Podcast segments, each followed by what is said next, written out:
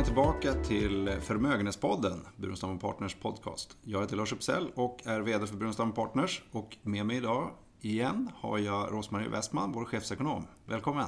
Tack! Du, förra gången, ungefär fyra veckor sedan, så satt vi här och pratade om börsoron som var där, började skaka till på, på marknaderna. Eh, det var högre inflationsförväntningar, tror jag det var. Var det inte så? Jo, vi hade lite dramatik där eh, i månadsskiftet och eh, marknaden har lugnat ner sig. Eh, vad som hände var ju att det gick ner och då går även statsobligationsräntorna oftast ner när det blir rekyl på börsen. Eh, och eftersom anledningen var den här intrycket av att vi hade en eh, överhettning i ekonomin, en kommande överhettning ska jag säga, med efterföljande då inflation. Så när börsen går ner så kyls det ner kan man säga, hela systemet lite grann av att räntorna vänder ner. Så det intrycket att ekonomin är på väg mot överhettning, den är borta skulle jag säga.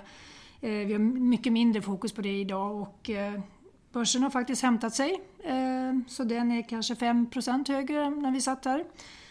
Och year to date, om man säger hittills i år, så är det ungefär plus minus noll. Det är någon procent upp. Mm. Du, men det är lite oroligt igen. Det är nu Donald Trump och det pratas om importtullar. Och, vad händer nu? Ja, det är ju ett vallöfte för, från Donald Trump att han ska införa importtullar. Det var ganska, det var ganska stort tema på valkampanjen då, eh, 2016. Och det har dröjt lite men nu har han bestämt sig för att det är dags att slå till med de där importtullarna. Och, eh, ekonomin har ju utvecklats. Eh, det där är en tanke som man har haft under 20-30 års tid. Eh, det går att läsa om det i böcker och annat som man har skrivit att det där tror han ganska hårt på. Men eh, Förr tillverkades ju varor i ett och samma land och sen såldes de till ett annat land. Men nu går ju produkter ibland flera gånger över gränsen och insatsvaror kommer från olika håll. Och så där. Det är mycket, mycket svårare att se konsekvenserna av importtullar i en modern ekonomi jämfört med hur det var förr. Ja, just det. Och det här gör han ju då för att eh, gynna USA. Men är det inte så att ekonomer runt om i hela världen är eh, liksom överens om att eh, det här med handelshinder, om man kallar det eh, är någonting som är negativt för egentligen alla. Ja, han är ganska ensam om det. Och mm. Eh, de här internationella handelsreglerna som finns inskrivna i WTO, de bryts ju nu. Och eh, vad han ger som, anger som skäl till detta, det är rena säkerhetsskäl. Och det är väl inte heller någon som egentligen köper detta. Och det slår också mot allierade länder. Eh, kanske är syftet från början att adressera handelsunderskottet med Kina som är det största underskottet som, som USA har med ett enskilt land. Men det här kommer slå som, som sagt var ganska brett och det kommer slå även mot EU till exempel. Och det kommer slå mot Kanada och Mexiko. Nu diskuterar man om de kanske får temporära undantag då just för, för Mexiko och Kanada eftersom de är mitt i förhandlingarna om att få till ett nytt NAFTA-avtal. Okej. Okay.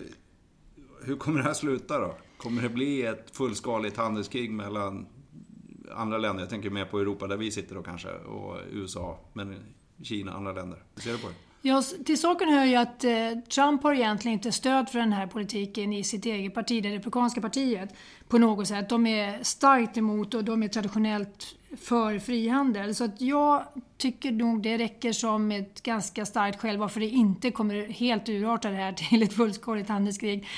Utan de kommer begränsa. Alltså de har, han har möjligheter att skriva detta. Alltså han behöver inte gå via den lagstiftande församlingen för att få igenom det. Men han är beroende av stödet för att kunna bli omvald och, och kunna sköta sin politik i övrigt. Så jag tror inte att de kommer ge honom det spelrummet helt enkelt. Eh, utan eh, det blir en friktion här i partiet, mellan partiet och presidenten. Samtidigt så närmar vi oss ett kongressval här i eh, november i år.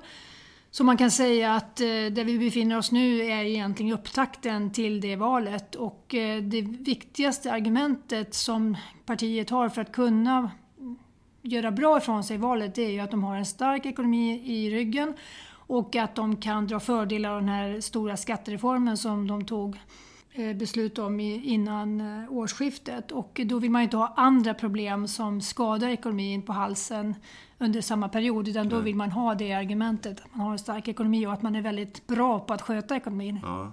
Och du, eh, ibland brukar jag tvinga fram dig och ge dig lite sannolikheter. Så här. Skulle du våga gissa någon sannolikhet för att de här tullarna blir verklighet? Ja, initialt tror jag att tullarna kommer... Alltså det är... är ja, de, de kan annonseras eh, redan idag. Eh, skulle jag tro här i, kanske ikväll, eh, vår tid. Eh, så de kommer nog bli verklighet. Eh, men det viktiga är ju responsen från andra länder. Då vet vi att EU kommer slå tillbaka. De har redan eh, gett besked om det.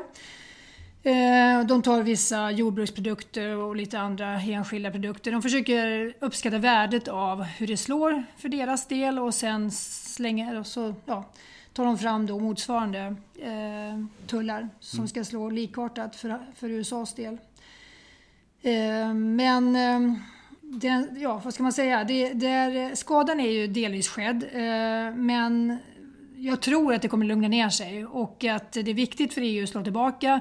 En del varnar för att slå tillbaka mot Trump för han är så, han är så känslig och eh, tunnhudad.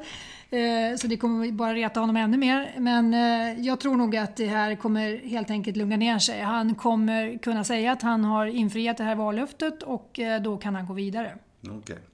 Och i, apropå vallöften då, om vi går tillbaka till, till den kampanjen som Trump drev, så, så pratar han ganska mycket om Kina och negativt om Kina, eller negativt, men att han skulle eh, göra någonting åt att eh, Kina egentligen. Mm. Men det här slår mer mot andra länder, inte direkt jättemycket mot Kina som du ser på det, eller?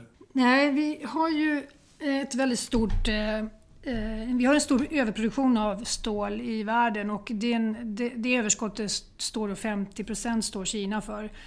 Eh, de kommer kunna dumpa sitt eh, överskott i EU som då inte kommer upprätta några tullar mot Kina utan där kommer de kunna sälja sitt överskott. Man skulle kunna ha en mycket bättre precision på åtgärder som man då riktar bara mot Kina om det nu är det som är det största problemet. Men eh, jag tror att det tankegodset kring ett sådant åtgärdsprogram är helt enkelt inte färdigt. Och när det gäller eh, Kina så kanske den allra viktigaste aspekten är de intellektuella rättigheterna, immateriella rättigheter då, som har, har, hör samman med techsektorn. Ehm, och då finns det kanske andra åtgärder som man kommer lägga fram senare när man har gjort färdigt de utredningarna kring de rättigheterna. Mm. Du, innan vi släpper stålet helt, vi har ju en svensk stålindustri också. Ehm, hur, hur påverkar det här i så fall den svenska stålindustrin? Ungefär 10 procent av vår export går till USA. Ehm, men det är i huvudsak eh, ganska högt förädlade stålprodukter eh, som inte kommer vara lika priskänsliga. Eh, specialstål helt Specialstål, enkelt. precis. Ja. Eh, så vi kanske blir något mindre eh, påverkade än andra länder. Men eh, vi hade ju en väldigt bra talan för vår sak eh, när Stefan Löfven, Löfven tillsammans med en näringslivsdelegation varit i Vita huset här i veckan och eh, då lyssnade ju Trump ganska väl på vad som framfördes där. Så det får man ändå se som en, som en fördel för Sverige att vi fick sitta där ja. just den här veckan. Mm. Räntorna i Sverige, vad händer där? Räntedisku... Vad är räntediskussionen? Ja, det har hänt lite saker sedan vi träffades senast. Eh, vi har fått en låg inflationssiffra för januari. Det finns ett speciellt mått som man följer på Riksbanken som heter KPIF. Ehm, det, den hamnade på 1,7 procent. Det var lägre än förväntat. Och nu tycker jag vi tar ett nytt... Vi, vi, har kommit till ett läge där vi tar en ny vända med diskussioner om när egentligen Riksbanken ska börja. Och innan den siffran... Börja med vadå? Första räntehöjningen då. Vi ligger ju på minus 0,5 procent i reporänta och den ska ju upp till noll inledningsvis då, men det kommer ta lite tid. Eh, förväntan var att den skulle höjas i, under andra halvåret av 2018, alltså i år. Och eh, med de här nya beskeden då på den låga inflationen så kom ju diskussionen direkt igång om de nu kommer vänta till 2019. Då kommer de ju mer i takt med också ECB i Frankfurt. Eh, för de kommer definitivt, som det ser ut nu, vänta till 2019. Så det kanske inte bara är nackdelar. Men men eh, sen tror jag också att oron har spridit sig lite mera kring det här med bostadsproblematiken och framförallt investeringarna som byggbolagen gör kring nybyggda, eh, nybyggda bostadsrätter. Att en inbromsning i de investeringarna kommer eh, kunna få lite spridningseffekter och då blir det viktigt att inte den här eh, tajmingen av den första räntehöjningen kommer fel och häller ännu mer kallvatten på någonting som redan håller på att kylas av. Så det tycker jag man märker nu i den allmänna diskussionen att, att eh, Riksbanken verkar ha tagit lite större intryck av det, den här problematiken nu jämfört med för bara några månader sedan. Okay. Vi har pratat om det där någon gång tidigare vet jag, du och jag. Eh, inte på podden, men, eh, men vi träffas ju annars också.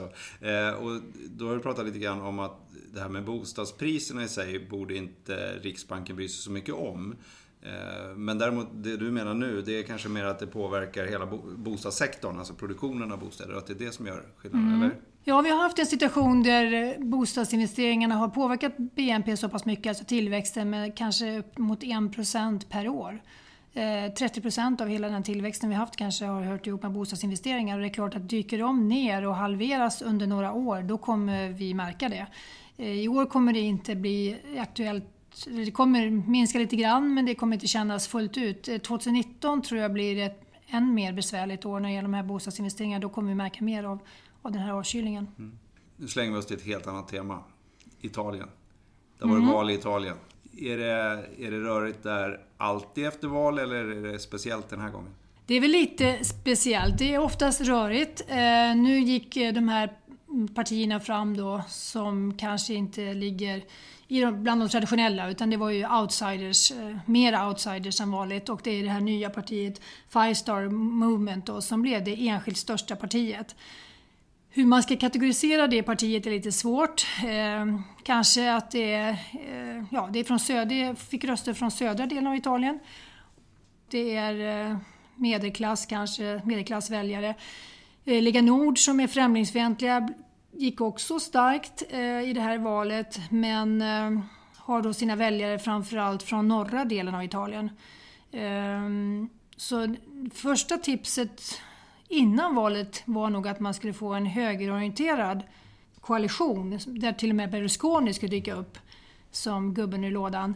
Men det gick för dåligt kan man säga. De fick ingen egen majoritet och Berlusconi gjorde inte ett speciellt bra val. Så jag ska tro, om jag nu ska göra någon, någon eh, prognos här så, så väntar jag mig nog, det är lite mer sannolikhet tror jag att det blir faktiskt den här Dumayo som är en väldigt ung partiledare då, 31 år gammal bara.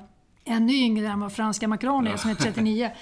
Eh, att det blir han kanske som får eh, bilda den här koalitionsregeringen och att då i så fall får han ta hjälp av eh, Socialdemokratiska partiet. Som inte heller gjorde speciellt bra men, men som kan fungera som en koalitionspartner. Mm. Men det är inte alla som tror att det här är utfallet utan det är en spekulation som jag gör nu. Okej. Okay. Eh, vi får se om din spekulation håller, kanske på nästa podcast när vi träffas. Eh, så att nu avslutar vi för idag. Så då tackar jag för att ni har lyssnat och eh, hänvisar återigen till eh, bevaraochutveckla.se. bevarautveckla.se. Rosmaries marknadsbrev finns där i sin helhet. Och det går att anmäla sig till nyhetsbrevet som gör att man får artiklar och marknadsbrev hem i mejlen den här podden, om ni vill ha den automatiskt, då kan man ju, naturligtvis finns den också på Bevara och Utveckla, men det går även att prenumerera på den via Soundcloud eller iTunes. Tack för att ni har lyssnat.